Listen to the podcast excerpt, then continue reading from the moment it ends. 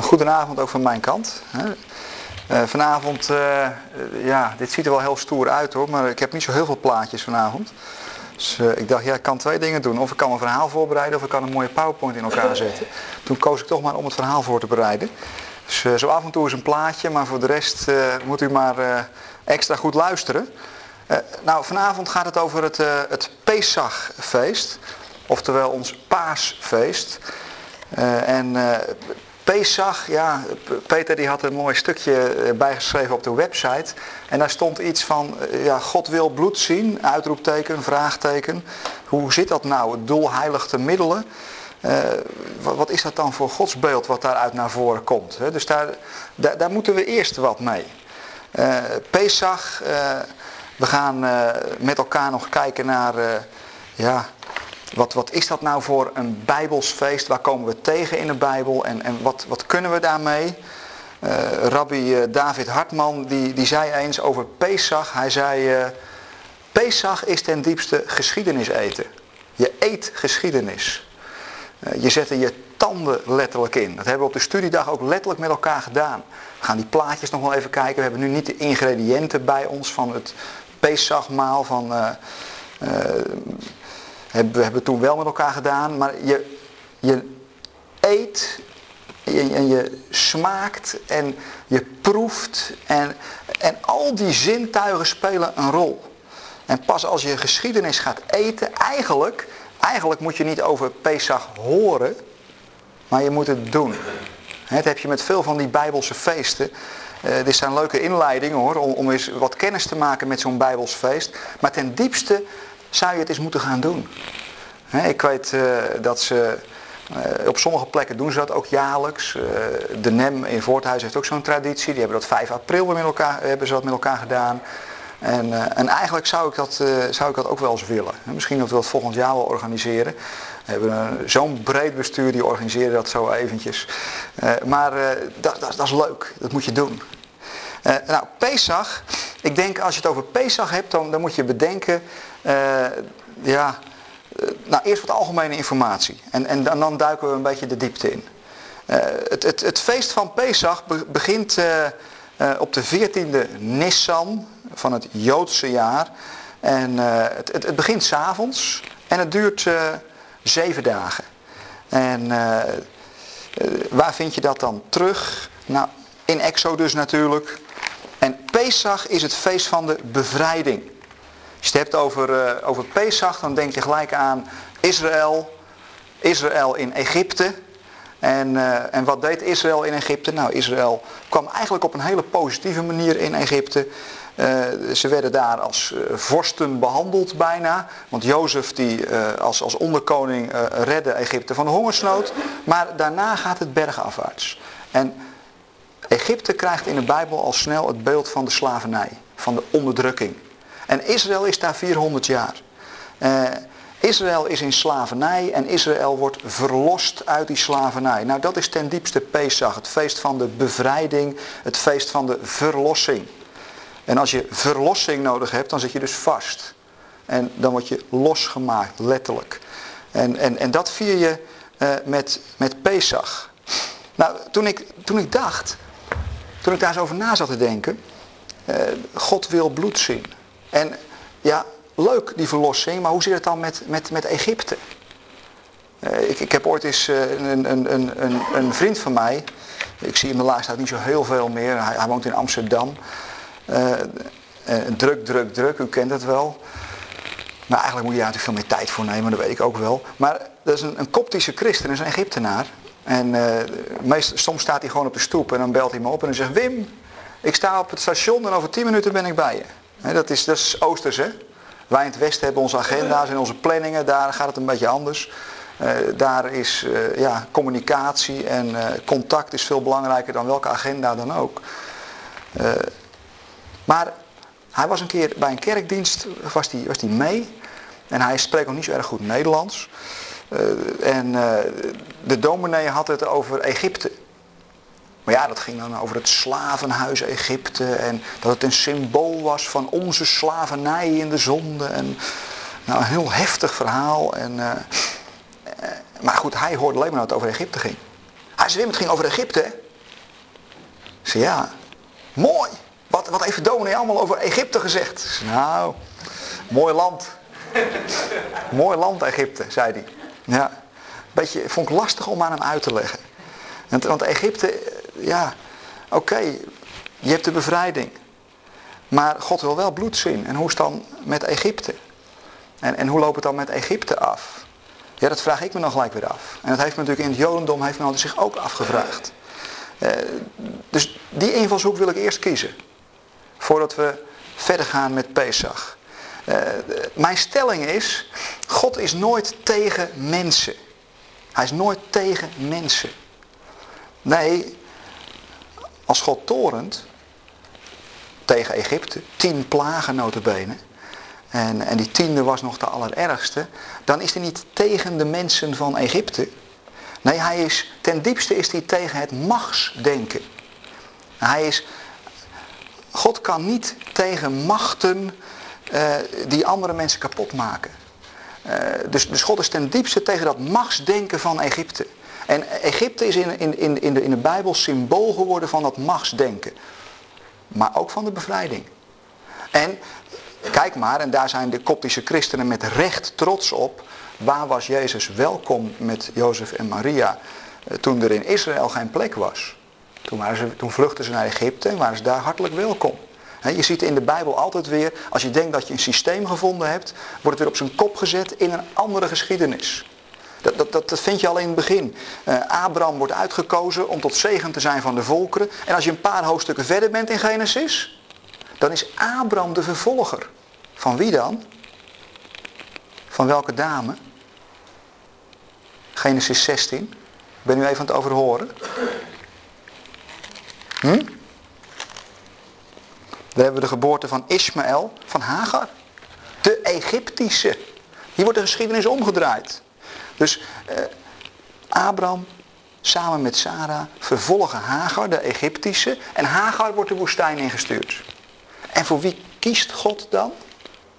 God kiest dan voor Hagar. God, kiest dan voor Egypte. Want dan zit het machtsdenken aan de kant van Abraham. En dan wordt Abraham op zijn nummer gezet en wordt Sarah op haar nummer gezet. En wordt Ismaël geboren. En Ismaël krijgt ook in de Bijbel een hele bijzondere zegen mee. Het zal een groot en machtig volk worden. En uiteindelijk staat er zelfs in de Bijbel, Genesis 16, Ismaël zal zijn bestemming vinden tegenover de zonen van Israël. Ze zullen samen onder één tent weer gaan wonen. Dus God is niet tegen mensen. God kiest niet voor Abraham of voor Israël en dus tegen Egypte. Nee, God is tegen dat machtsprincipe. Tegen dat wat mensen kapot maakt. Tegen dat wat mensen slaven maakt. dat is, uh, maar dat, dat is heel subtiel. Want op de een of andere manier heeft dat machtsdenken... heeft zich verweven met ons mens zijn. Uh, dat gaat zo ver. Ik wil graag Efeze 2 uh, met u en jullie lezen. Want daar wordt het nog eens wat, wat helder neergezet door de apostel Paulus. In Efeze 2, ik, ik wil het graag eventjes uh, lezen, dan wat over zeggen. Efeze 2 vanaf vers 1. En dan moet je even in je achterhoofd houden, Pesach, het feest van de bevrijding. Eerst was er slavernij in Egypte. Toen werd je verlost. Ik zeg nu even werd je, werd u. Want Pesach moet je vieren alsof het jezelf overkomen is. Israël viert dat niet afstandelijk. Van nou, laten we het eens gaan beschouwen van een afstand. Beschouwen is, kom je in de Bijbel helemaal niet tegen. Beschouwen en wetenschappelijk uit elkaar pluizen, dat is een westerse uitvinding. In het Joods-Bijbelse denken duik je er middenin en wordt het jouw verhaal. En als je het zo viert, dan wordt het persoonlijk en is het niet afstandelijk. Dan ga je er zelf dwars doorheen. dus, dus, dus, dus zo lezen we dat met elkaar. Uh, u was dood door de misstappen en de zonden waarmee u de weg ging van de God van deze wereld, de heerser over de machten in de lucht. Machten. Eh, de geest die nu werkzaam is in hen die God ongehoorzaam zijn. Net als zij lieten ook wij allen ons eens beheersen door onze wereldse begeerte. Wij volgden alle zelfzuchtige verlangens en gedachten die in ons opkwamen en stonden van nature bloot aan Gods toren. Dus God, was God tegen ons? Nee, God is tegen wat we geworden zijn. Tegen wat we geworden zijn. Uh, beheerst. Je wordt beheerst. Het, het aparte vind ik altijd. Uh, Israël in Egypte was helder en concreet. Die werden beheerst. Door wie dan? Door de farao. Die moesten slavendiensten verrichten, letterlijk.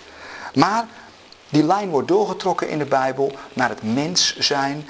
En, en je ziet dat mensen, en het is bijna ironisch, maar in het tot op de bot vrije westen worden mensen beheerst. Door van alles en nog wat. En het subtiele is dat als je dat gaat vragen aan mensen, dat ze dat zelf niet in de gaten hebben. Misschien zal dat wel de opperste vorm van door iets beheerst worden, dat zelf niet meer zien. Door onze wereldse begeerten. Wij volgden alle zelfzuchtige verlangens en gedachten die in ons opkwamen en stonden van nature bloot aan Gods toren, net als ieder ander. Maar, omdat God zo barmhartig is, omdat de liefde die, hij voor ons heeft opgevat zo groot is, heeft hij ons, die dood waren door onze zonden, samen met Christus levend gemaakt. Ook u bent nu door zijn genade gered. Hij heeft ons samen met hem uit de dood opgewekt en ons een plaats gegeven in de hemelsferen in Christus Jezus. Zo zal hij in de eeuwen die komen laten zien hoe overweldigend rijk zijn genade is. Hoe goed hij voor ons is door Christus Jezus. Door zijn genade bent u nu immers gered, dankzij uw geloof. Maar dat dankt u niet aan uzelf, het is een geschenk van God en geen gevolg van uw daden. Dus niemand kan zich erop laten voorstaan.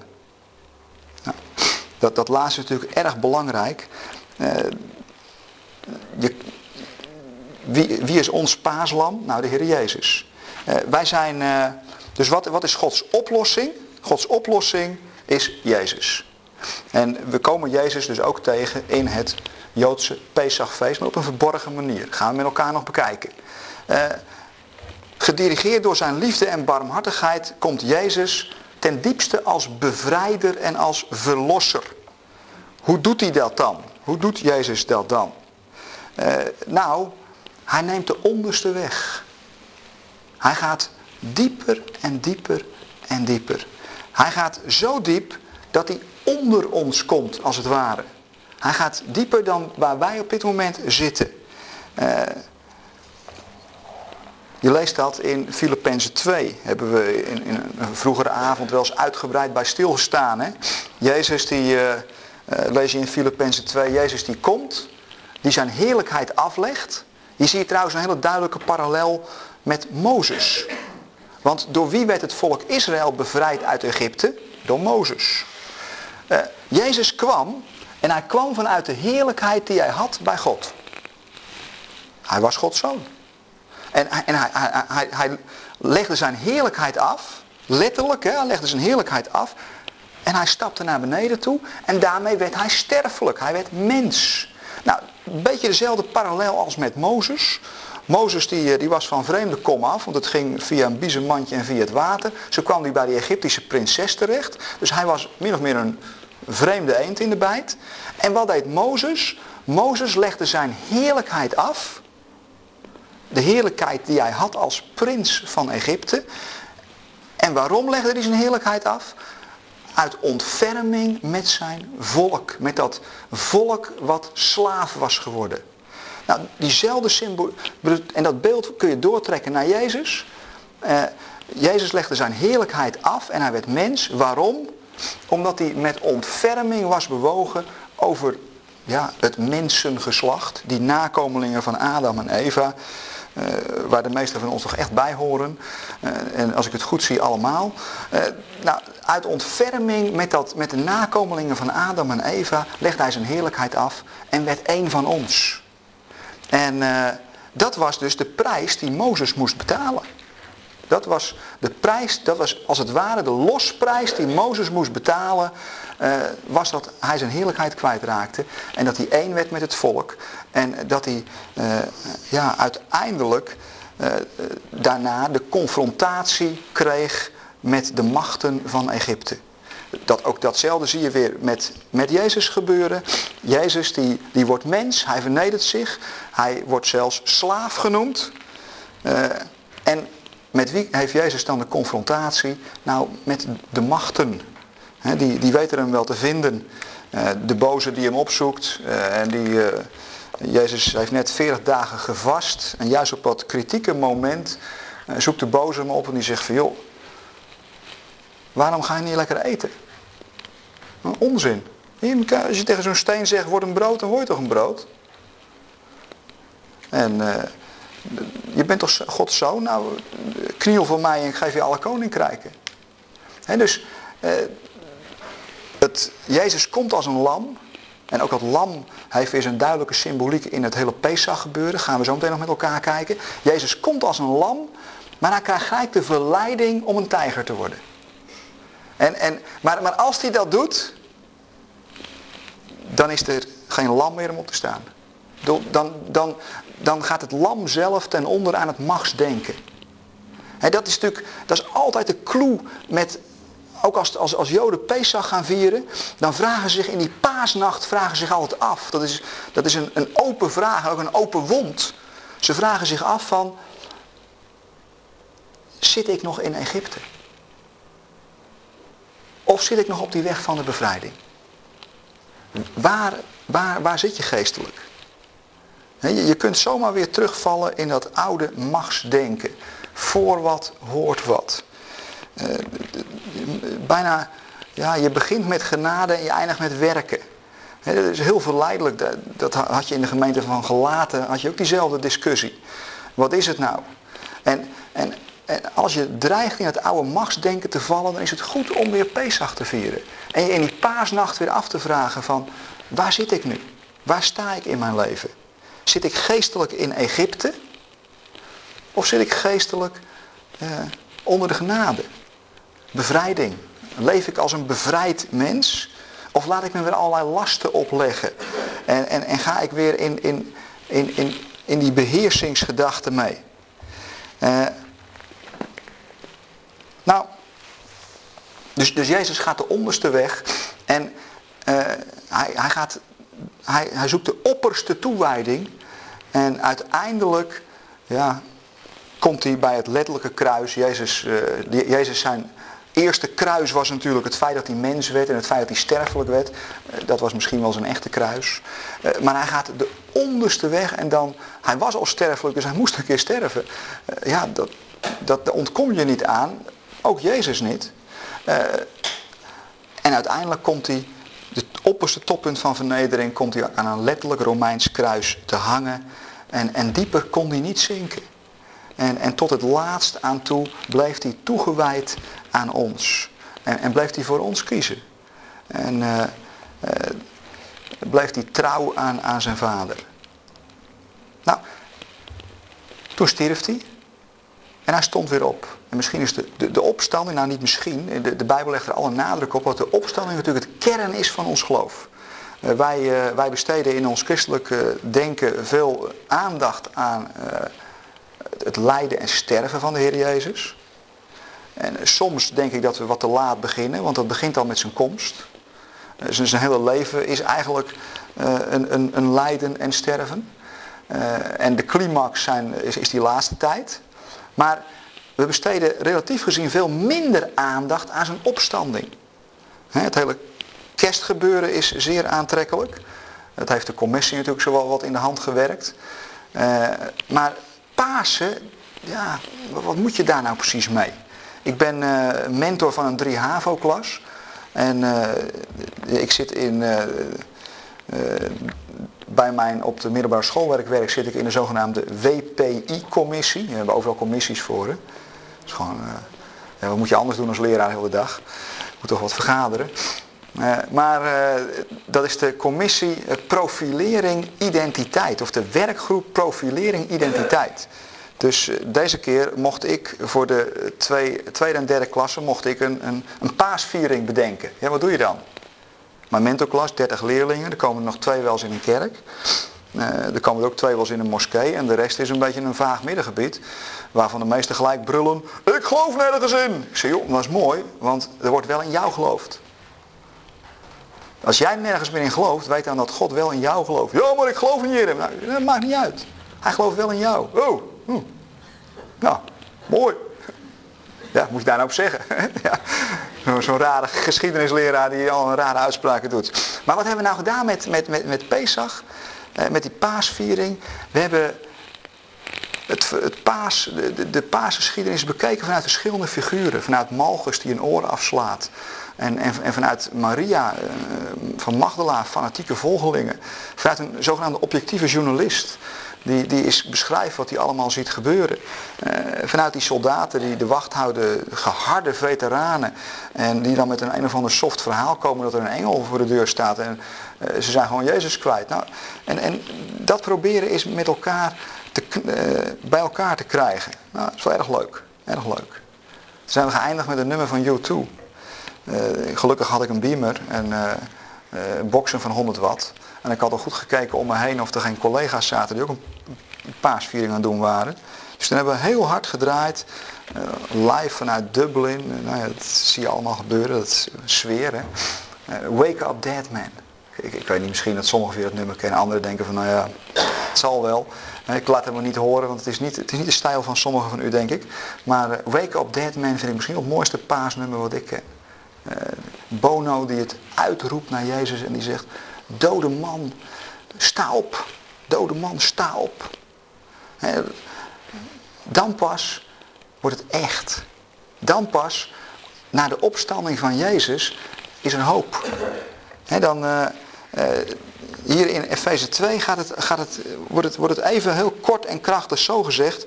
Hij heeft, heeft hij ons, uh, die dood waren door onze zonden, samen met Christus levend gemaakt dus uh, uh, dat, dat, kunnen wij zelf niet. Uh, we kunnen die knopen niet losmaken en je wordt eigenlijk als het ware van onderuit word je langzaam opgetild. En wat is de sleutel? Wat is de sleutel in Israël? Vertrouwen. Denk nou niet, oh ja, maar in, in Israël moesten ze het hebben van de wet en wij moeten het hebben van, van geloof. Nee, in Israël moesten ze het ook hebben van geloof. En, en moesten ze het ook hebben van genade en ook hebben van de liefde van God. Uh, net zoals wij. Uh, en door, door, door, door dat geloof van ons krijgt Jezus vat op je leven. Eigenlijk geef je door te vertrouwen, geef je Jezus ruimte om, dat, om die dood, dat morsdoden in je, uh, dat is gewoon heel concreet hoor. Je zit gewoon van alles en nog wat vast. Je perspectief is gericht op het hier en nu. En uh, verder kun je ook niet kijken. Kun je mensen ook niet kwalijk nemen. Ja, dood is dood. Laten we er nu wat van maken. Ja, je moet toch aan je carrière denken. Nou, enzovoort, enzovoort. Allemaal niks mis mee, maar het is een beperkt perspectief. En wat merk je dan als Jezus in je leven komt? Dan ja, dan gaat dat perspectief wat minder belangrijk worden en dan komt er een nieuw perspectief voor in de plaats of komt er naast te staan.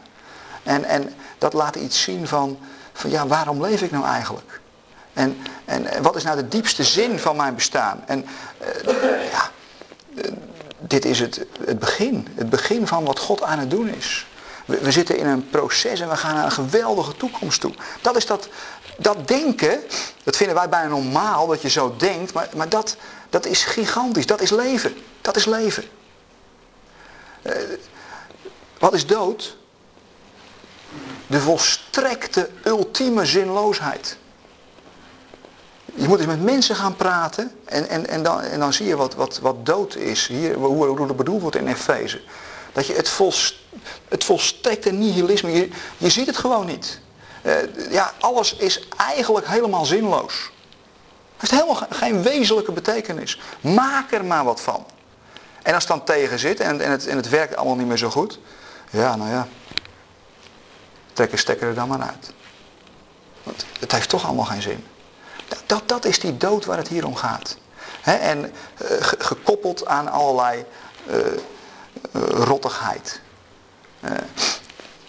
en dat vind je ten diepste terug in, in het Pesachfeest. Nou, dus het Joods-Bijbelse Pesachfeest, feest van de bevrijding. En op allerlei manieren zien we in dat feest zien we schaduwen van de uiteindelijke verlossing.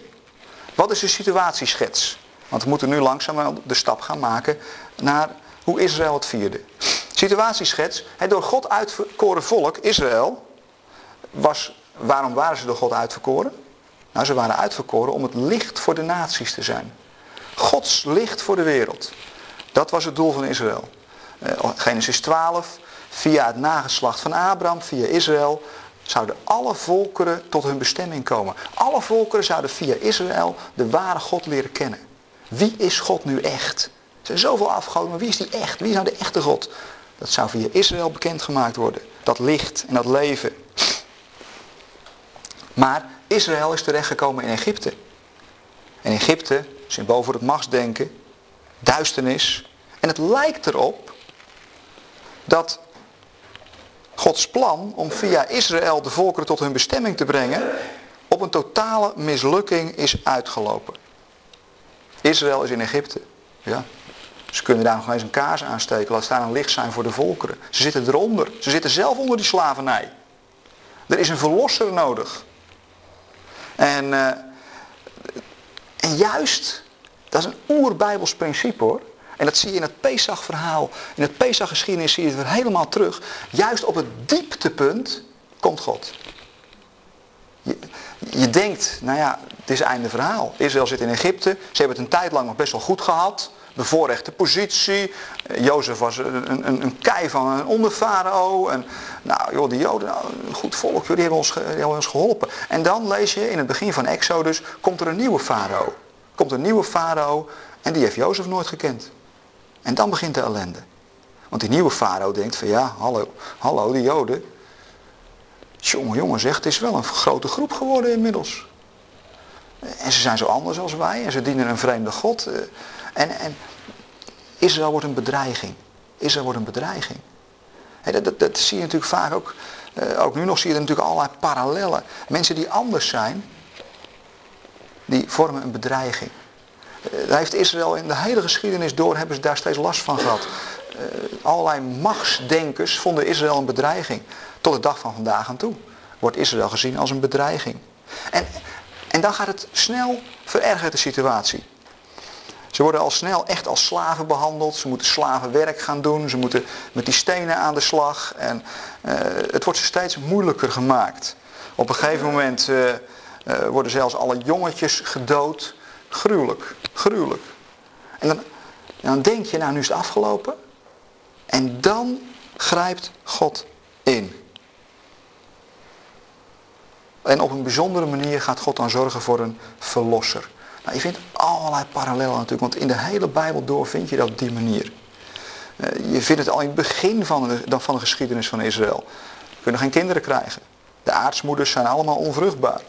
En, en steeds grijpt God weer in en dan gaat het toch weer door, alhoewel je dacht, nou het wordt niks. En uh, uh, dat is ten diepste ook Goede Vrijdag. Je denkt, nou het wordt helemaal niks. Jezus heeft drie jaar lang heeft hij rondgelopen op aarde. Als het lam. Als, als ons Pesachlam.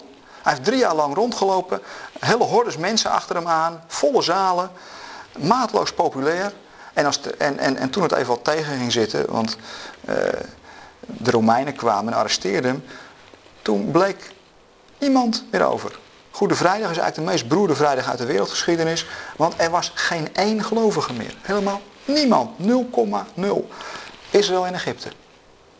De slavernij was compleet. En niemand durfde op dat moment, want ze zaten onder de knoet. Ze dachten, ja anders gaan die Romeinen ingrijpen. Als ik nu zeg dat ik bij hem hoor, dan hang ik straks ook aan een kruis. Ja, maar daar heb ik geen zin in. Uh, en juist toen, toen er niemand meer geloofde.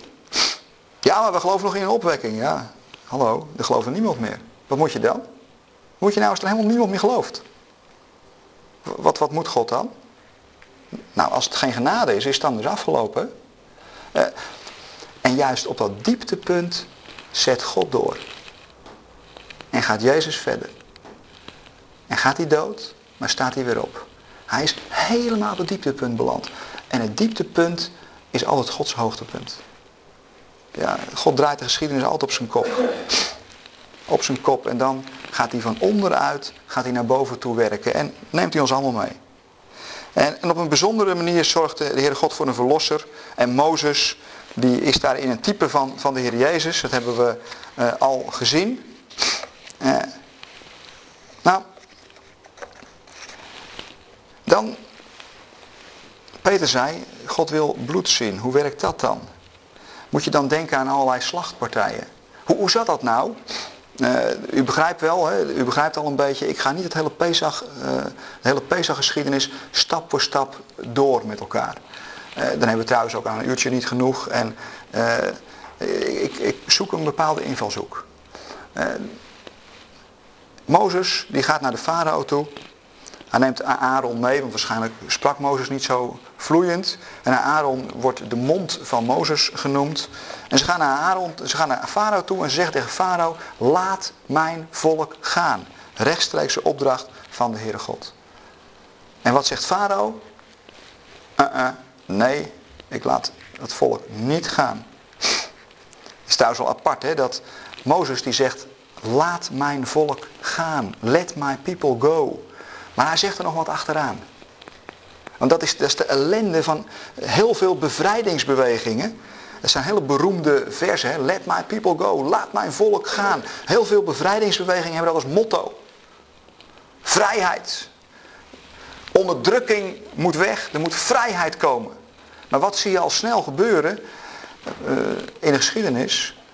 Bij bevrijdingsbewegingen. Als ze zelf de macht krijgen, worden het nieuwe onderdrukkers.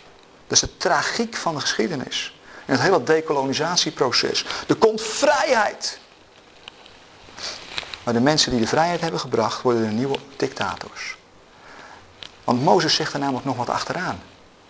Mozes die vraagt aan Farao, laat mijn volk gaan om God te dienen in de woestijn. Dat, dat moet er wel achteraan. Want er is geen niemandsland. Er is geen niemandsland. Ultieme vrijheid bestaat niet. Eh, je bent of vrij om je in Egypte te laten beheersen. Of je bent vrij om God te gaan dienen. En, en ik, ik denk echt dat het een, een leugen is om te denken dat er nog een tussenweg is. Dat je ook een soort autonome mens hebt die, die, die, die, die vrij is in zichzelf en, en, vrij zijn eigen keuzes maakt. Ja, dat, dat lijkt wel zo. Maar ik denk dat we wel iets minder rationeel zijn dan dat we vaak denken. Uh, onze rationaliteit is een, is een, is een, is een toplaagje. Daar, daar, daaronder spelen allerlei gevoelens en emoties. En uh, worden we daar vaker door beheerst dan door onze rationele afwegingen. Uh, dus, maar dat, die, dan, dan komt Mozes bij Farao. En Farao wil steeds maar niet. En, en er komen dan oordelen. Er komen oordelen. een beetje hetzelfde, daar, daar vind je een parallel met het einde van de geschiedenis, het boek Openbaring. En je vindt daar de confrontatie tussen Mozes en de machten. De antimachten tegen wat God aan het doen is. En die antimachten moeten zich uiteindelijk ook buigen natuurlijk. Maar dat is die confrontatie met, met Farao. En dan komt het ene oordeel, het ene oordeel na het andere oordeel komt. En dan uh, hetzelfde parallel als in openbaring waar ook het ene oordeel het andere oordeel opvolgt. Uh, en dan uiteindelijk vind je daar het laatste oordeel. En het laatste oordeel, daar refereerde Peter aan toen hij dat thema opschreef natuurlijk, God wil bloed zien. Dan moeten de Joden, de paasnacht zijn we nu gekomen, Exodus 12. Uh, nou laten we dat met elkaar even rustig gaan lezen. Uh, wat, wat, wat er dan gebeurt.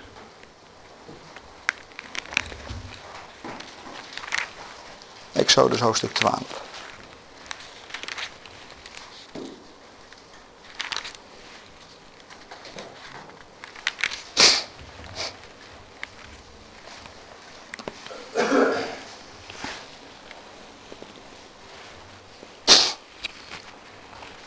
Vanaf vers 1. Pesachfeest en uittocht uit Egypte. De Heer zei tegen Mozes en Aaron, nog in Egypte, voortaan moet deze maand bij jullie de eerste maand van het jaar zijn. In religieus opzicht is dat nog steeds zo in Israël. Hier begint het nieuwe jaar. Zeg tegen de hele gemeenschap van Israël, op de tiende van deze maand moet elke familie een lam of een bokje uitkiezen, elk gezin één. Gezinnen die te klein zijn om een heel dier te eten, nemen er samen met hun naaste buren één. Rekening houdend met het aantal personen en met wat ieder nodig heeft. Het mag het jong van een schaap zijn of het jong van een geit, als het maar een mannelijk dier van één jaar oud is, zonder enig gebrek. Houd dat apart tot de veertiende van deze maand. Die dag moet de voltallige gemeenschap van Israël de dieren in de avondschemer slachten. Het bloed moeten jullie bij elk huis waarin een dier gegeten wordt aan de beide deurposten en aan de bovendorpel strijken. Rooster het vlees en eet het nog diezelfde nacht met ongedecent brood en bittere kruiden. Het dier mag niet half gaar of gekookt worden gegeten, maar uitsluitend geroosterd en in zijn geheel. Met kop, poten en ingewanden.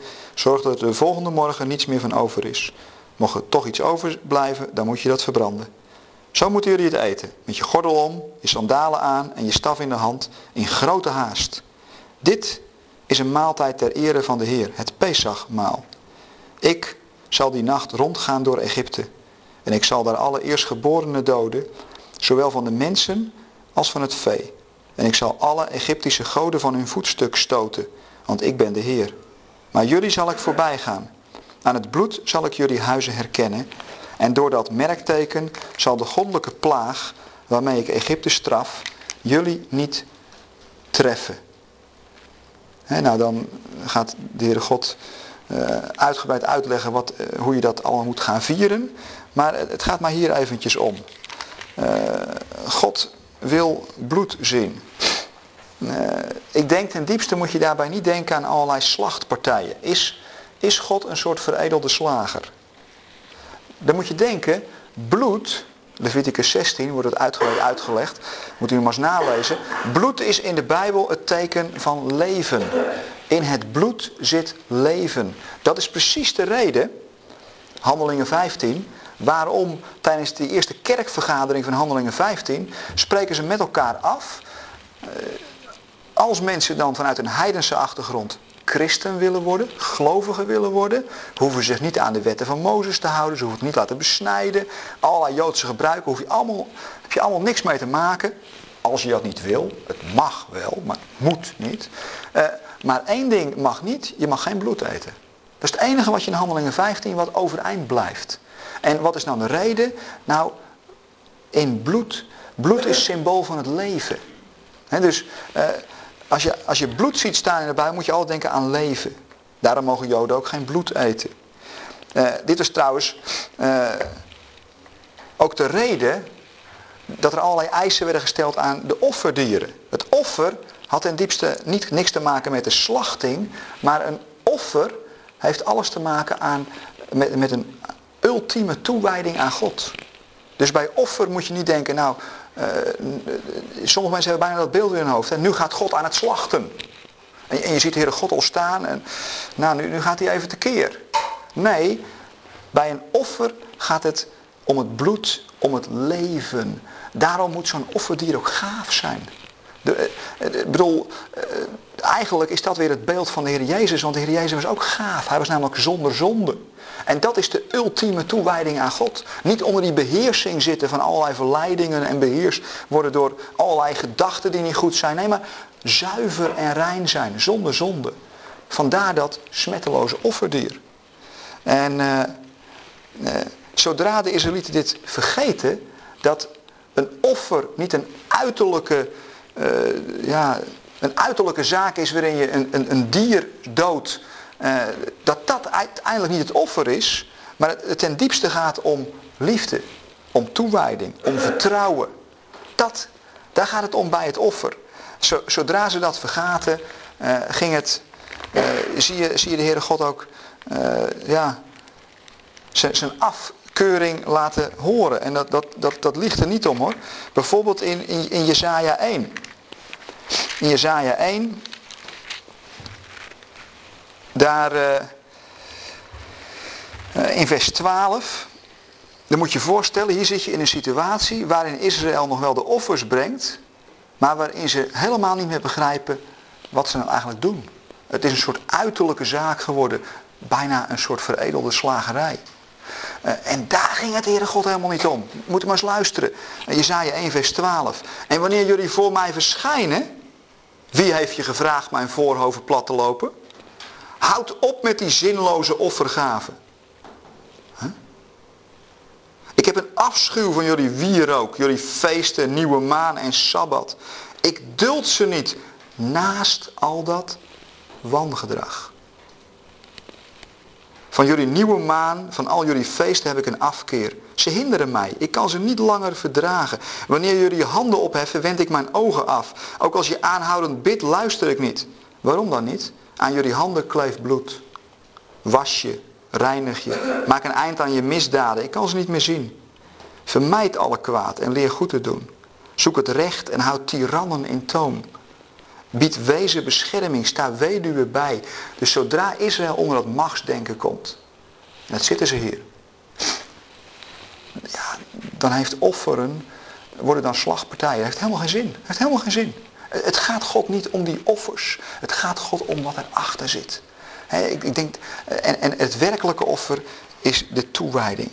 Het werkelijke offer wat Jezus bracht was de toewijding en de liefde, de ultieme liefdesverklaring uh, aan ons, van God. Het was een offer van God aan ons.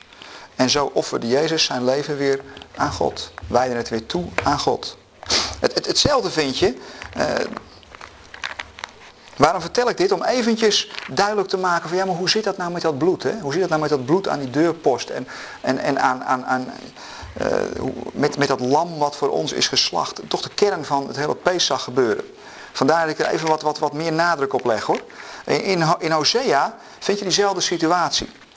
Uh, in uh, het boek Hosea, maar een klein boekje. daar, de profeet Hosea, die, die zit niet in een plezierige omstandigheden.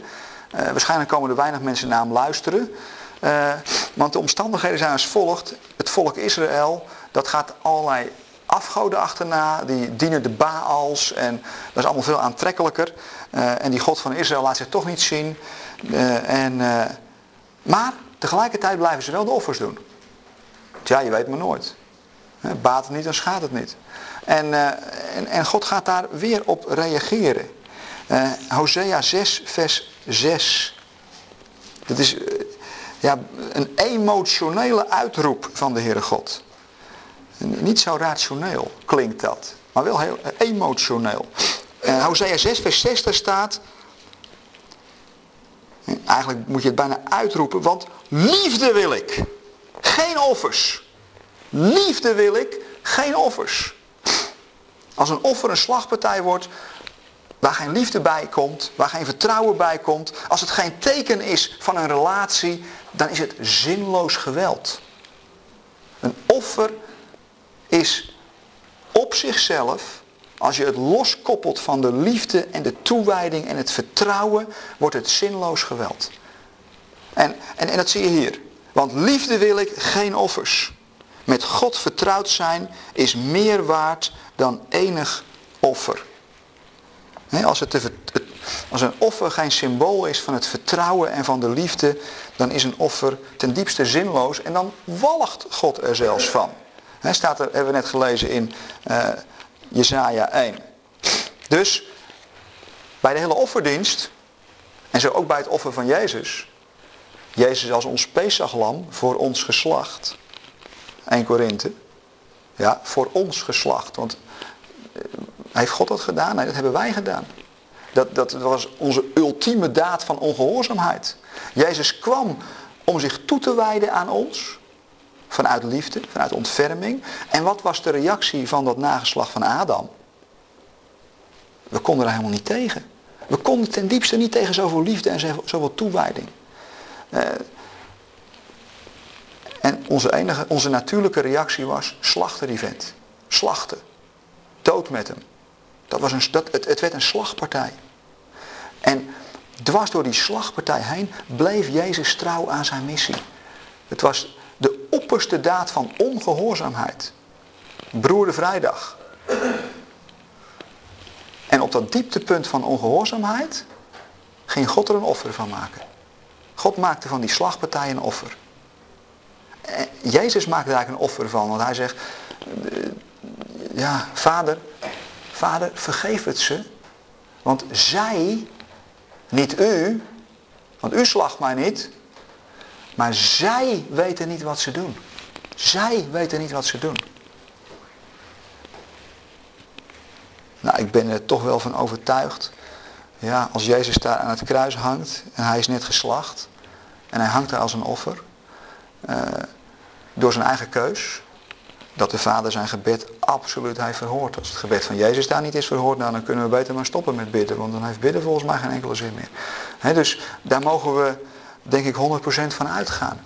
Ja, dat is, de, dat, dat is Pesach. Dat is Pesach. Hè? Dus, dus richt je niet te veel op die slagpartij. En, en, en alsof we God moeten gaan danken voor een slachtpartij. Nee, je moet God danken voor het offer. Maar dat komt wel na de slagpartij. Eigenlijk komt dat, ja, ondanks de slagpartij. Ondanks de slagpartij gaat God toch door. Terwijl hij alle reden had om te zeggen, van ja, maar nu ze de zoon hebben gedood, nu kom ik met mijn toren. Nu is het afgelopen. Nee, daar dwars doorheen. Ultieme liefdesverklaring. Uh, nou, zo is dat bloed aan de deurposten van de Israëlieten is een teken van het leven van een onschuldig lam. Eenjarig.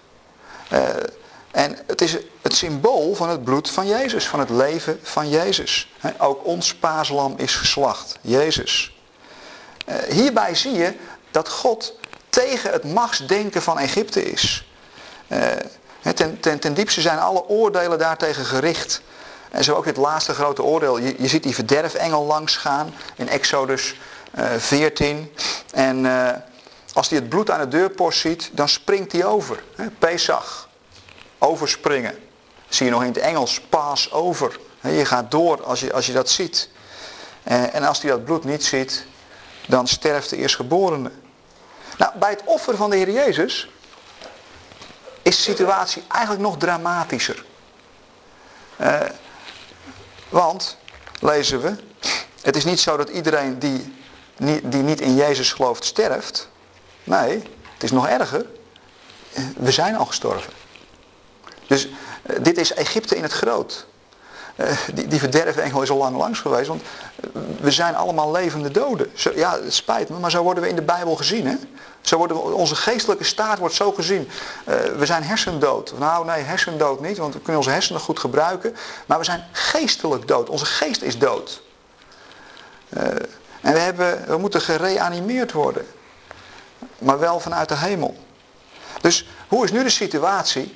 Nou, dat, dat, dat lees je ook in Efeze 2. We zijn dood. En we worden met Christus medelevend gemaakt. Dus dat bloed aan de deurpost, dat leven van Jezus, als we door het geloof, door ons geloof daar deel aan krijgen, dan gaat Jezus ons reanimeren. Hij gaat ons levend maken. En uh, uh, ja, dan kom je in een heel andere situatie terecht.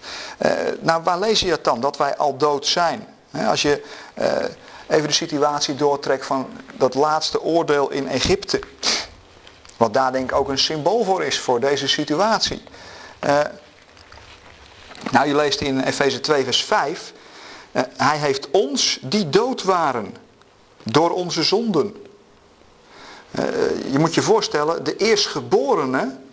Waarom sterft nou de eerstgeborene in Egypte? De eerstgeborene vertegenwoordigt de rest. De eerstgeborene, zoals Jezus ook de eerstgeborene, Colossense 1, zoals Jezus de eerstgeborene van de ganse schepping. Hij vertegenwoordigt de rest. Uh, zo is Adam de eerstgeborene van de natuurlijke, van de eerste schepping.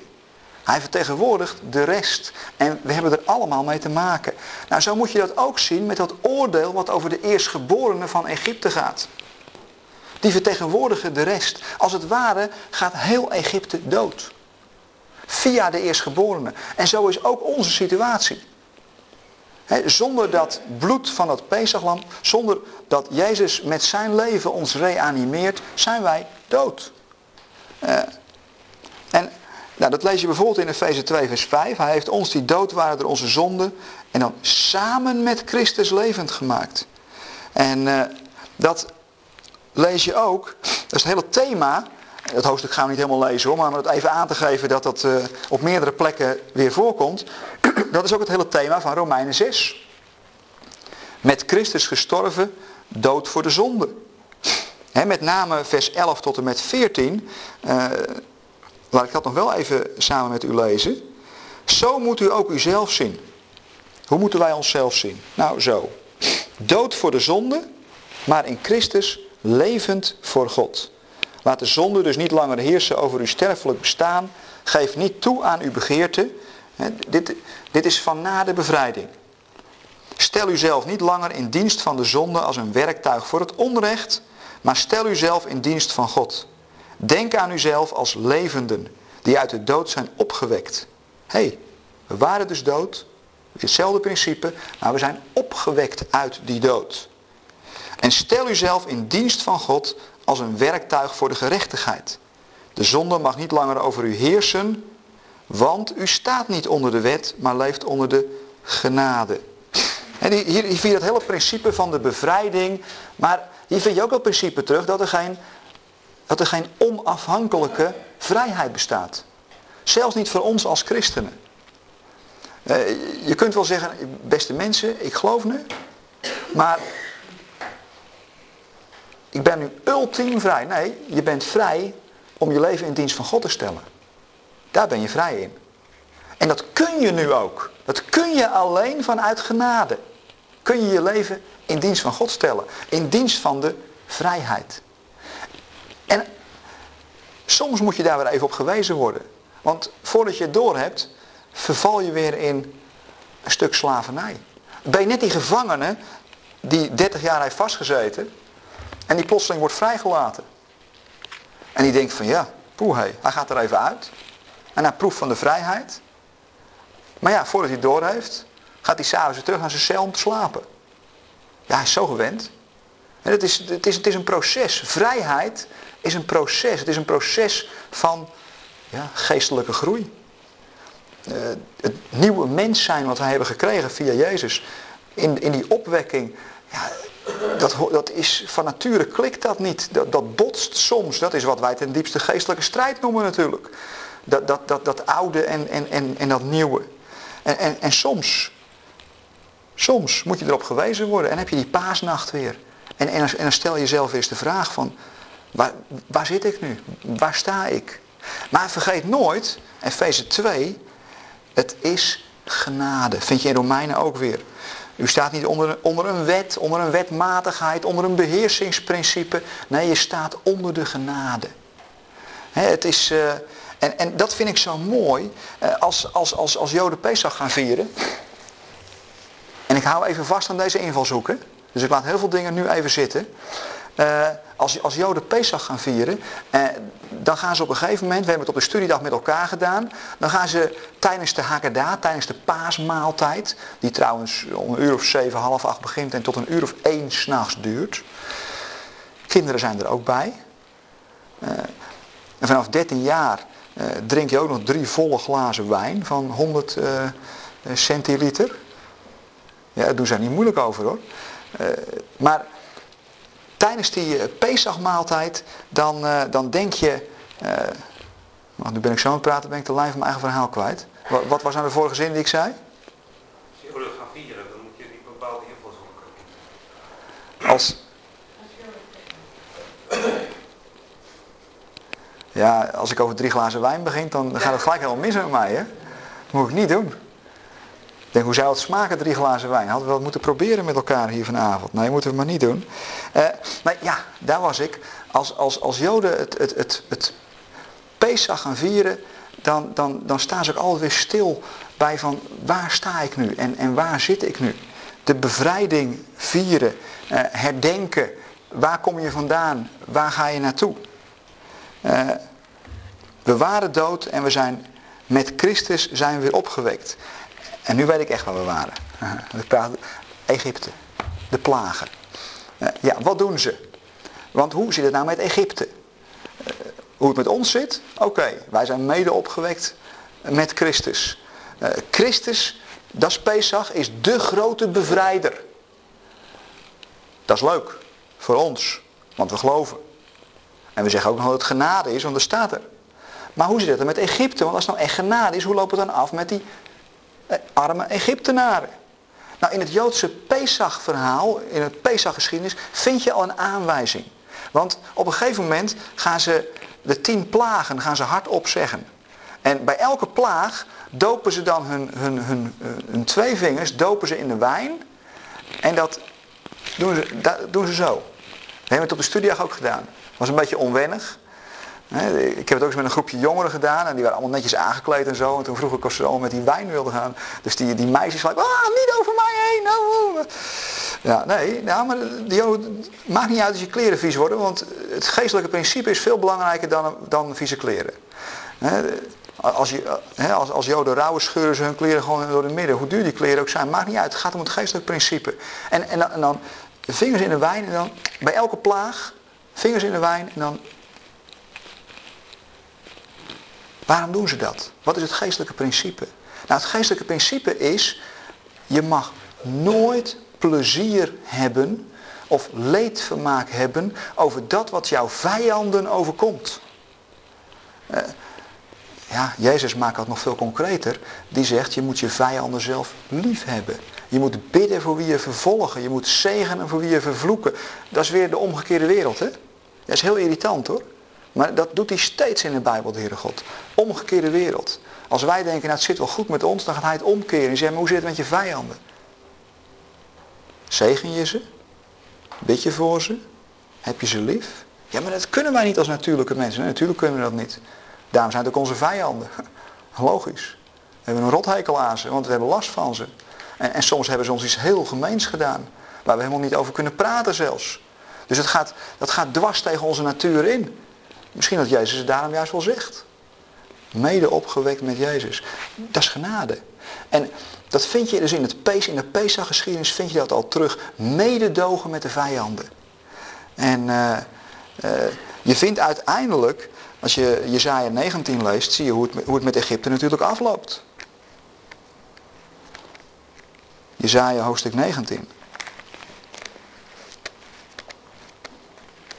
Er staat natuurlijk iets ongelooflijks. Nou, sommigen van u denken, oh ja, daar heb je weer met Jesaja 19. Ik heb 13 jaar eh, als staflid bij de NEM gewerkt. En toen heb ik een heel hoofdstuk uit mijn hoofd moeten leren. Want het is een van de kernteksten eh, van, van het Ministry. Maar ook van Pesach. Als je wil weten hoe loopt met Egypte af, lees Jesaja 19. Uh, Jesaja 19 waar staat vanaf vers 23, is een toekomstprofetie. Op die dag zal er een weg lopen van Egypte naar Assyrië. Dan zullen de Assyriërs naar Egypte komen en de Egyptenaren naar Assyrië. Nou. En samen zullen zij de Here dienen. Op die dag zal Israël zich als derde bij Egypte en Assyrië voegen, tot zegen voor de hele wereld. Want de Heer van de hemelse machten zal hen zegenen met de woorden. Nou, moet je even Exodus in je achterhoofd houden. Moet je even in je achterhoofd houden die verderfengel langs ging. En dat eigenlijk heel Egypte ter dood werd veroordeeld. Dat was niet einde verhaal. God was niet tegen de mensen van Egypte. Nee, het ging tegen het machtsprincipe wat daar heerste. Want hoe loopt het af met de mensen van Egypte? Nou zo. Gezegend is Egypte mijn volk. Mijn volk. Het moet wel een foutje zijn van de Bijbel vertalen. Nee, dat is geen foutje hierin lees je dat God is niet tegen mensen. Ook niet als ze Egypte heten. Nee, Egypte komt tot zijn bestemming. Dwars door die hele nare periode heen. Trouwens, wij waren toch allemaal eerst dood? Daarvan is die laatste plaag het symbool. Eh, van het feit dat we allemaal dood zijn in, eh, zoals wij geestelijk dood zijn. Dus waren we allemaal. Van nature waren we kinderen des torens, zegt, Paulus zo optimistisch in, in Efeze 2. Maar dat is niet einde verhaal. Dat is het dieptepunt. En als je op een dieptepunt zit, dan weet je al wat er gaat gebeuren. Jezus die zei het al, komt allen tot mij die vermoeid en belast zijn. Oftewel, als je vermoeid en belast bent, zit je nou niet echt op, op een hoogtepunt van je leven. Hoe gaat het met je? Nou prima joh, ik voel me zo moe en ik baal van alles en ik ben ontzettend... Oh, oh nou mooi hoor dan ben je echt toe aan de Heer Jezus. Dat zegt hij eigenlijk. Hè? Komt alle tot maar die vermoeid en belast zijn. Je zit op een dieptepunt. Je, je loopt vast. En dan kruipt Jezus eronder en dan gaat je reanimeren. En hij neemt je mee. Mede opgewekt. En je krijgt ruimte, licht en, en leven krijg je weer. En, en, en je gaat het weer zien zitten. En dat is Pesach ten diepste. En, en dat is het, het, het paasoffer. We waren dood en met Christus zijn we opgewekt. En, en dat is de bevrijding die Israël ook ervaarde. Uh, ze zaten echt in slavernij. En, en, ze moesten staande eten en bittere kruiden, dat, dat, deed dan denken, dat moesten ze eten, dat deed denken aan de harde slavenarbeid. Uh, daarbij dronken ze vier glazen wijn. Ook allemaal symboliek, symboliek van de bevrijding, van de verlossing uit Egypte, van de aanname tot het volk van God. De heer Jezus die ook zelf Pesach vierde, die uh, de derde beker uh, paste hij op zichzelf toe. Avondmaal, de derde beker, van de derde beker zei hij, dit is mijn bloed, dit is mijn leven, wat ik voor jullie geef. In opperste toewijding aan jullie en aan God. Dit is mijn leven. En die derde beker was de beker van de verlossing. Ja, hoe kan het ook anders? Want hij is de verlosser. He, dus alles past zo op een grandioze manier in elkaar. Een schitterend feest. En de kern van ons christelijk geloof vind je terug in het hele Pesach gebeuren. Ik ga hier een punt zetten. Niet omdat ik uitgepraat ben, maar omdat ik ruim een uur aan het woord ben. En dan uh, gaan we een kopje koffie drinken en uh, al uw vragen, opmerkingen mag u allemaal stellen na de pauze. Ja?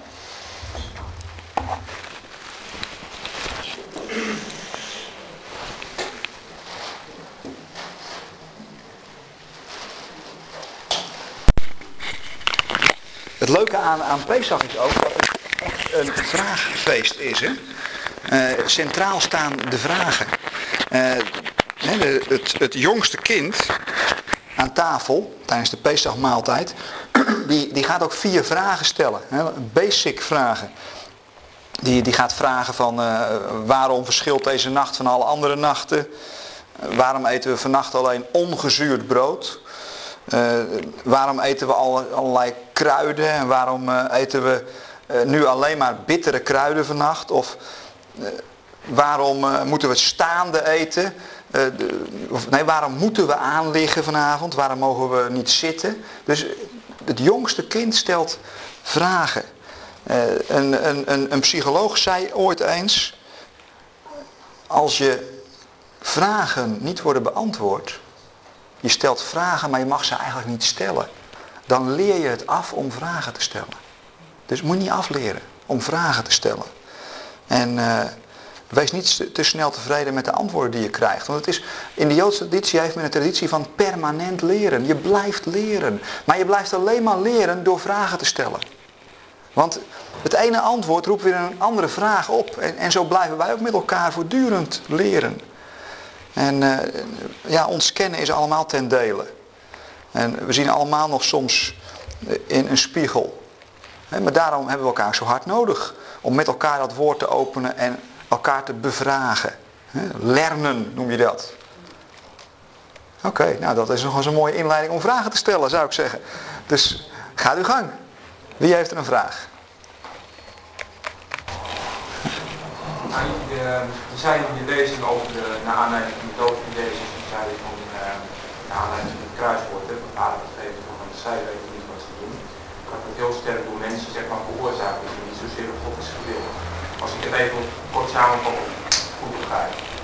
In, uh, in Matthäus en Johannes zie je ook een heel andere tendens, zeg maar. In Matthäus zie je dat uh, Jezus zegt van, mijn vader, wanneer het mogelijk is, laat deze drinkbeker voor mij voorbij gaan, maar niet wat ik wil, maar wat u wil. In Johannes staat het, ga sterker, daar staat van, uh, kijk, staat het dan over de drinkbeker, die mij mijn vader gegeven heeft. Hij zou ook de drinkbeker niet drinken die mij mijn vader gegeven heeft. Hoe zie je dat verband? Is dat, uh, is dat nou Gods wil? Of is het door mensen gedaan? Want een combinatie zoals ja. Oké, even, even de vraag herhalen. Ja, de vraag herhalen is makkelijker dan het antwoord geven. Uh, hoe zit dat nou, dat verband? Hè, die, uh, de, de kruisiging van Jezus. Is dat nou door mensen gewild of is dat nou door God gewild. Uh, laat ik even handelingen 2 erbij pakken, want daar, daar komt dat samen eigenlijk. In de toespraak van Petrus. In handelingen 2.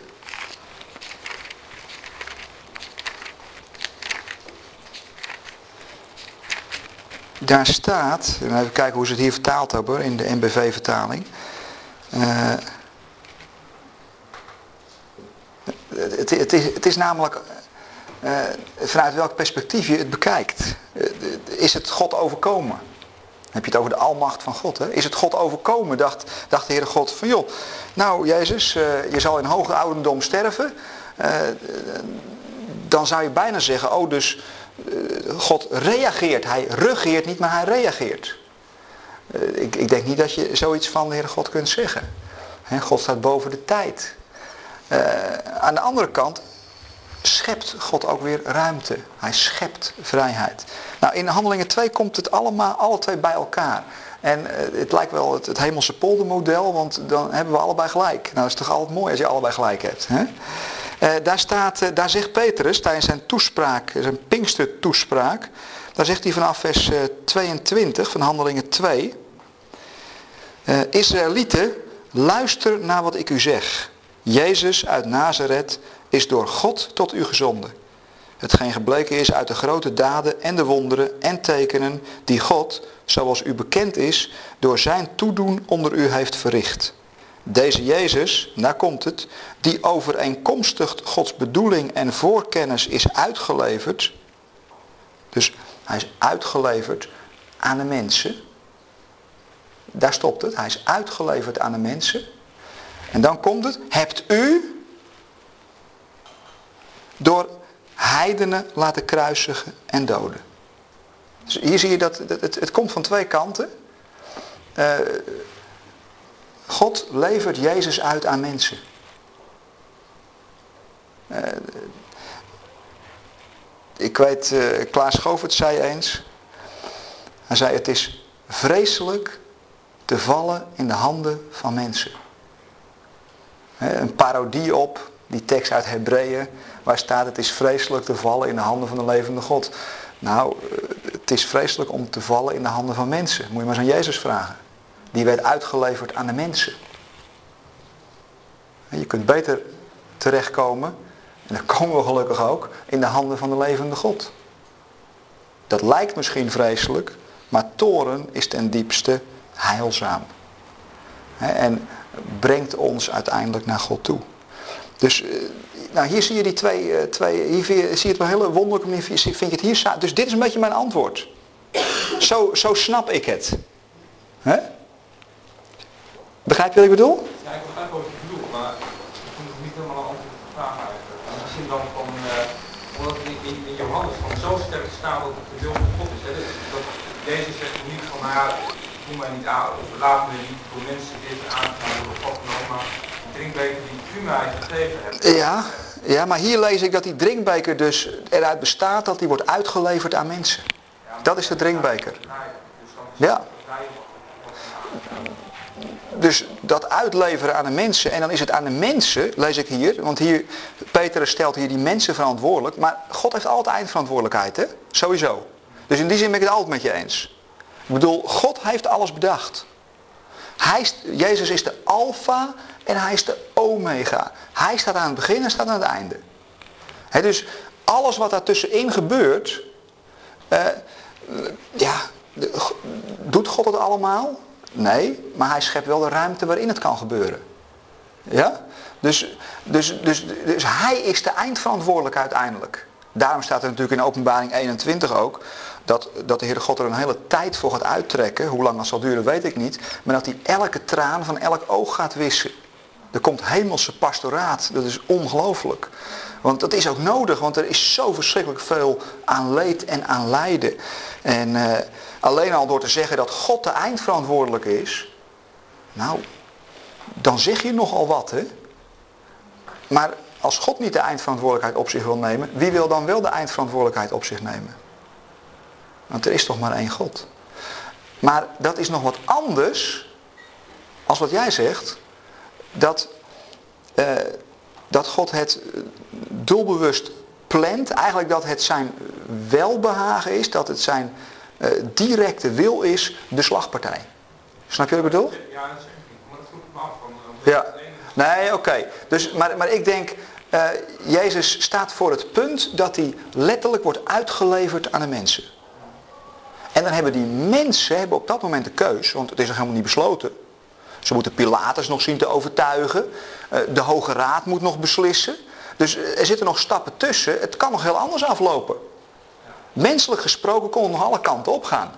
Maar Jezus is wel in handen gekomen van de mensen. En hij laat dat gebeuren. Jezus had natuurlijk op elk moment had hij kunnen ingrijpen. En had hij een legioen engel erbij kunnen slepen. En zeggen, en, en nu weg. Nu vind ik het genoeg geweest. Ik ben wel de zoon van God, hè. Pas op. Had hij zelfs aan het kruis kunnen doen. Dan wordt hij ook weer uitgedaagd, hè. Uh, in de gloria, oké. Ja. ja. De piep hoera. Ja, soms moet je niet te veel kennis hebben van wat het allemaal betekent. Ik zal het je maar niet vertellen.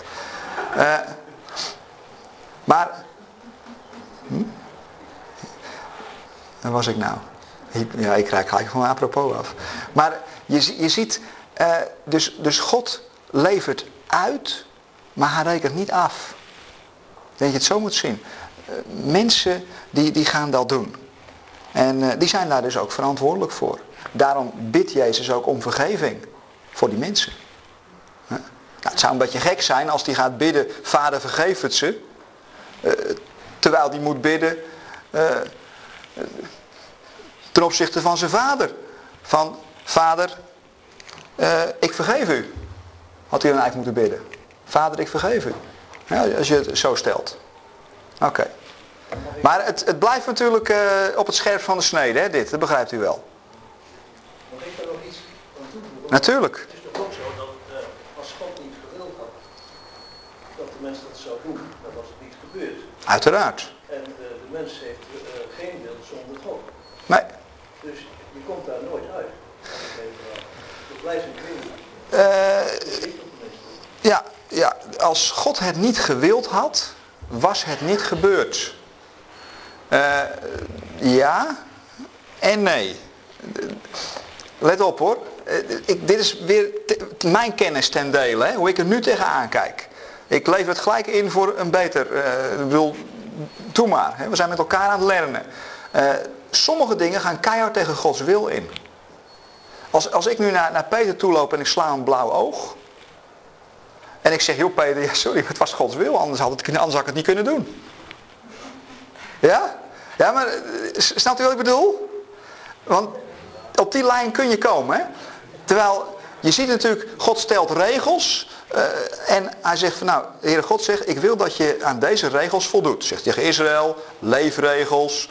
Uh, zo zegt Paulus ook bepaalde dingen tegen ons. Hè. Uw, uw, vriendelijkheid zijn alle mensen bekend. Uh, nou, er zijn bepaalde karaktertrekken van een gelovige, zeg maar.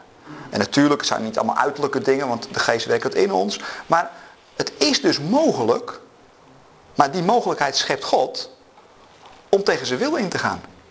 Ik denk dat moeten we vasthouden. Je kunt tegen Gods wil ingaan. Dat zie je namelijk door de hele Bijbel heen. Dat mensen tegen Gods wil ingaan. Want als dat niet zou kunnen, zijn we marionetten. En dan is er geen vrijheid, dan is er geen keuzevrijheid. Dus dat, dat is wel een wezenlijk punt. We krijgen natuurlijk nooit helemaal onze vingers erachter. Uh, daarom zeg ik ook, God, zelfs daarin blijft God de eindverantwoordelijkheid. Uh, want Hij geeft ons de mogelijkheid om tegen zijn wil in te gaan. Want als hij inderdaad die mogelijkheid niet had gegeven aan die mensen op dat moment om tegen zijn wil in te gaan en om er een slagpartij van te maken, ja, dat had niet gebeurd. Dat ben ik met u eens. U snapt het subtiele verschil, hè? Ja? Heeft dat ook iets met... Uh, sorry. Maar Jezus zegt toch zelf ook, uh, niemand kan mij het leven nemen tenzij het aflegt. Ja. Want de, de, de dood is het gevolg van de zonde. Nou, Jezus heeft niet gezondigd. Dus in wezen zou Jezus niet dood kunnen. Dat is ook weer een moeilijk, hè? Ja. ja. Niemand neemt mij het leven, want ik leg het zelf af. Ja. Dus Jezus heeft ook nog toegestaan er eigenlijk aan meegewerkt dat hij doodging. Even, even voor de bandopname. Nou, we zijn nu echt aan het leren, dat merk ik wel. Uh, Jezus zegt, uh, Jezus kan eigenlijk niet dood, want Jezus heeft niet gezondigd. Uh, en Jezus zegt van niemand ontneemt mij het leven, tenzij ik het zelf afleg. Nou, ik denk dat dat helemaal waar is. Jezus kan niet dood, daar zitten wat vraagtekens bij. Want Jezus had natuurlijk in feite zijn leven al afgelegd. Filippenzen 2, namelijk door stervende stervend te worden. door een aards lichaam te aanvaarden wat in een doodstaat verkeert. We zijn, we zijn allemaal dodelijk ziek. Ik bedoel, het kan nog even duren, maar we zijn, ons lichaam maakt zichzelf kapot. Zo, zo, zo zit het in elkaar. Uh, sinds dat Adam en Eva uh, er een potje van maakten. Uh, trouwens, dat doen wij nog steeds natuurlijk. Maar, maar het is natuurlijk wel waar dat Jezus de macht had, ook op dat moment. Hij kon op elk moment ingrijpen. Hij kon op elk moment ingrijpen. Zowel afleggen als nemen. Ja. Ja. Dus hij, gaf, hij, hij legde zijn leven af. Want hij had de autoriteit en, en de macht ja, om, om natuurlijk, uh, uh, moet, moet, je, moet, moet je eens lezen in openbaring, als, als, die, als die met zijn adem gaat blazen, wat, wat er dan gaat gebeuren met, met, met de tegenstand. Had hij ook op Golgotha kunnen doen. Heeft hij niet gedaan. Hij koos ervoor om een lam te zijn.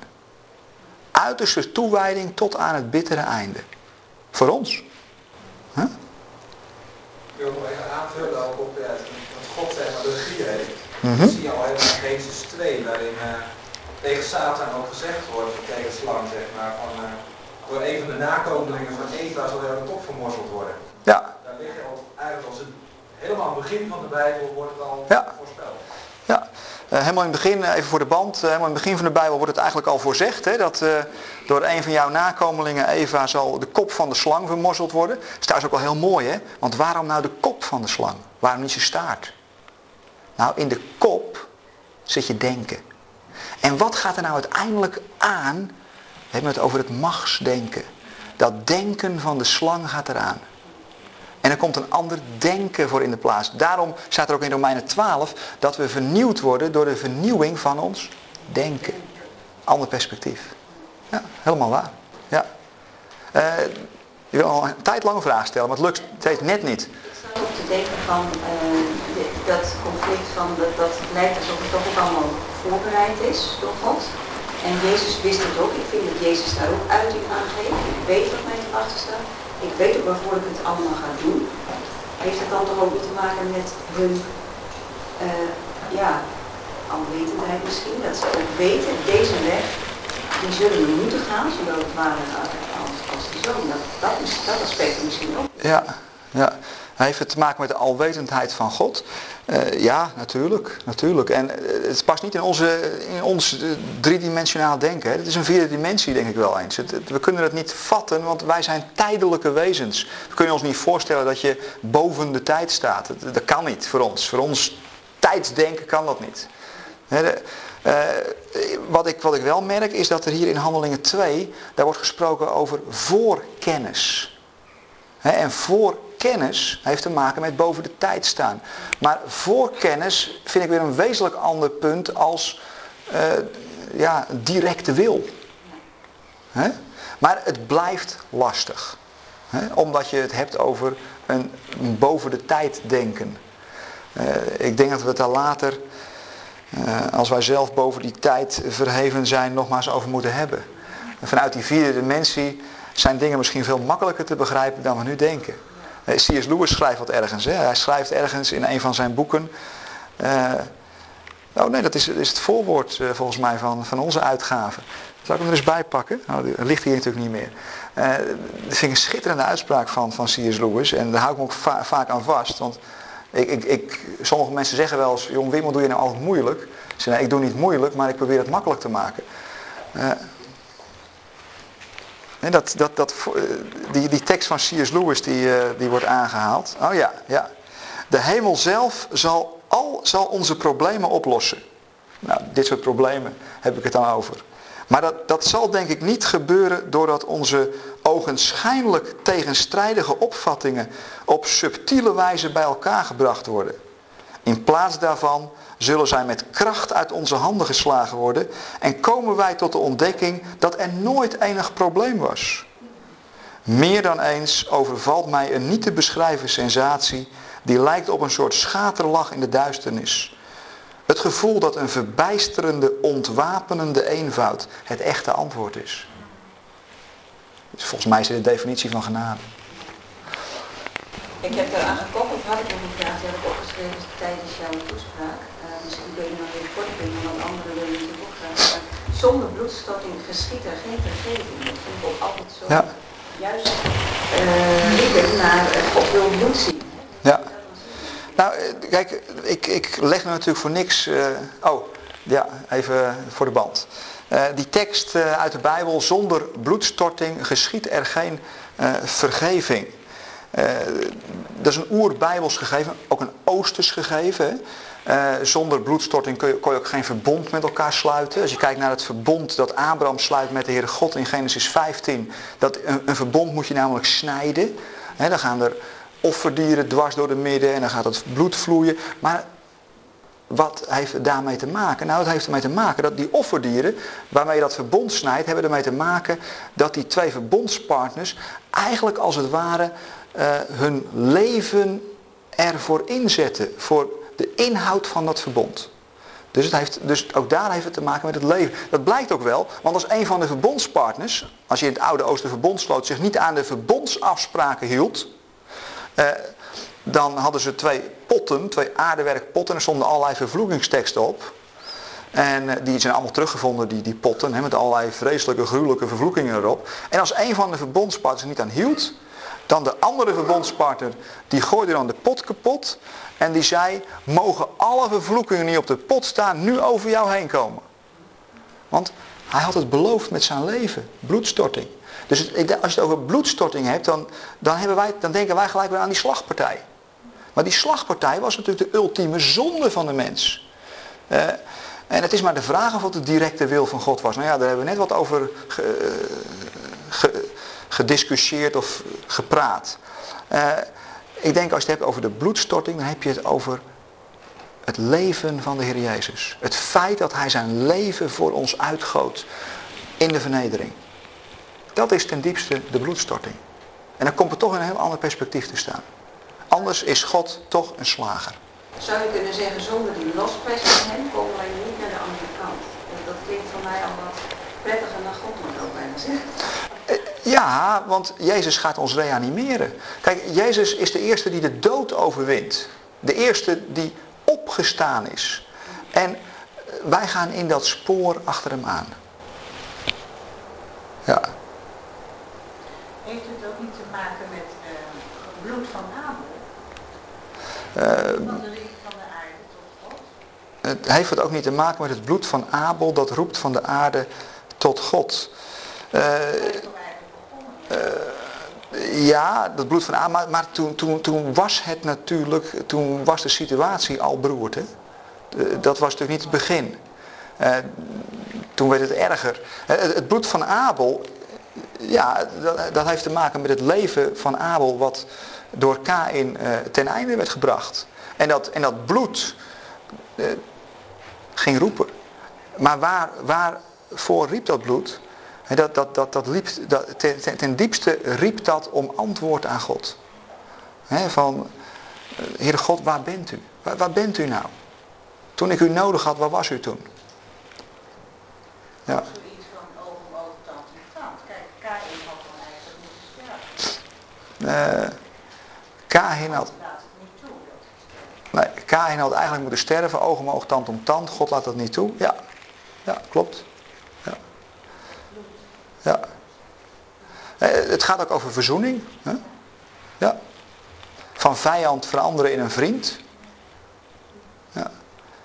ja, we halen heel wat overhoop even hoor. Er zitten heel veel aspecten aan en dit, dit is ook een van de aspecten. Ja. Kan je ook zien als een bloedband. Zoals een familie, je hebt met iemand een bloedband en niets kan dat ongedaan maken. Je hebt met iemand een bloedband en niets kan dat ongedaan maken. En, uh, als je bloedverband bloedverband, hè? Ja? Familie of zo. De- Je kan van alles doen, maar niemand kan dat ongedaan maken. Hebben wij door dat offer van Jezus dan een bloedband met Jezus? Hebben wij, dat vind ik een hele mooie uitspraak moet ik zeggen. Eh, hebben wij door het offer van Jezus een bloedband met Jezus? Eh, hij heeft zijn, leven verbonden met ons leven. Ja, dus in die zin, ja, vind ik een hele mooie. Dat, vind je natuurlijk ook in Romeinen 5 terug. Hè? Eh, we hebben een bloedband met Adam. en we hebben een bloedband met Jezus. En in Romeinen 5 vind je dat letterlijk. dat we natuurlijk door het offer van Jezus allen gerechtvaardigd worden ten leven. Nou, als dat geen bloedband is, dan weet ik het niet meer. Ja. Ja, Ja. ja, ja. En je vindt ook in, in Johannes 12, vind je dat bijvoorbeeld, dat de Heer Jezus zegt, van als ik verhoogd ben, dus als ik eh, van de ultieme vernedering verhoogd ben, dan zal ik je allemaal tot mij gaan trekken. Dan zal ik allen tot mij trekken. Dus, eh, dus ook daarin zie je natuurlijk dat, dat, dat, dat, einddoel van God, dat hij allen tot zich wil trekken, eh, door Jezus, zie je daarin al, eh, al weerspiegeld, in, in die uitspraak van Jezus. Het is inmiddels tien uur en ik denk we moeten wel ongeveer gaan stoppen. Eh, ja, ik vind het niet zo'n probleem hoor, want wij zijn zo thuis, maar sommigen moeten nog wat verder rijden. Dus eh, mijn voorstel is, zullen we nog een laatste vraag doen? En eh, mocht u dan nog in de wandelgangen wat willen vragen, kan natuurlijk altijd. Is er nog een laatste vraag? Nou, ik had nog een vraag, maar ik zei geen vraag, maar er- staat in de wet dat, laat me zeggen, de Heer Jezus, die deed in wezen de wet voorkomen. En als hij de wet voorkomen zou doen, dan zouden we leven. Dus het kruis gaat in wezen buiten de wet om. In wezen is dat natuurlijk, eh, je, zou, je zou daarmee kunnen zeggen, gewoon, ja, Gods wil was het eigenlijk niet. Het was eigenlijk Oké. de mensen de. Ja, even, even, even een uitsmijter. Oké. Wanneer, hij, wanneer hij de wet zou doen, wanneer, de, wet- wanneer iemand de wet zou volbrengen, zou hij leven. Dat, dat is de ultieme, de volbrenging van de wet. Ja, doe dit en gij zult leven. hè? Doe Ja. dit en hij zult leven. En hij, En hij deed het en hij... en hij deed het en hij werd Ja, gedood. Ja. En dan buiten de leefplaats. Zelfs, eh, dit komt niet in de wet voor. nee. Nou, ik denk, dit is een mooie samenvatting van de brief aan de gelaten. Hè, waar staat, Jezus is voor ons tot vloek gemaakt. Dat, dat is het eigenlijk. Ja, klopt. Ja. Zullen, we, zullen we gaan afsluiten? Ik wil graag eh, eh, danken voor vanavond. Hemelse Vader, dank u wel dat we in de naam van uw Zoon, de Heer Jezus, deze avond met elkaar mochten hebben. Als gelovigen, gelovigen in uw woord. Heer, als mensen die door u, Heer Jezus, gereanimeerd zijn. En die soms nog wat verbaasd om ons heen kijken aan wat we allemaal zien en lezen. Heer, wilt u ons zegenen. Wilt u ons zegenen met wat we gehoord hebben, wat we lezen. Heer, ik bid u dat we een open oor zullen hebben en een open hart. Heer, dat we tegelijkertijd ook heel kritisch zullen zijn en goed zullen lezen van wat staat er nu en eh, wat is het nu. Heer, dat we ja, echt mogen leren met elkaar en dat we dichter en dichter bij uw hart mogen komen. Uw hart voor deze wereld, uw hart voor mensen, uw hart voor ons. U zou met ons meegaan. Dat bidden we in de naam van uw Zoon, de Heer Jezus. Amen.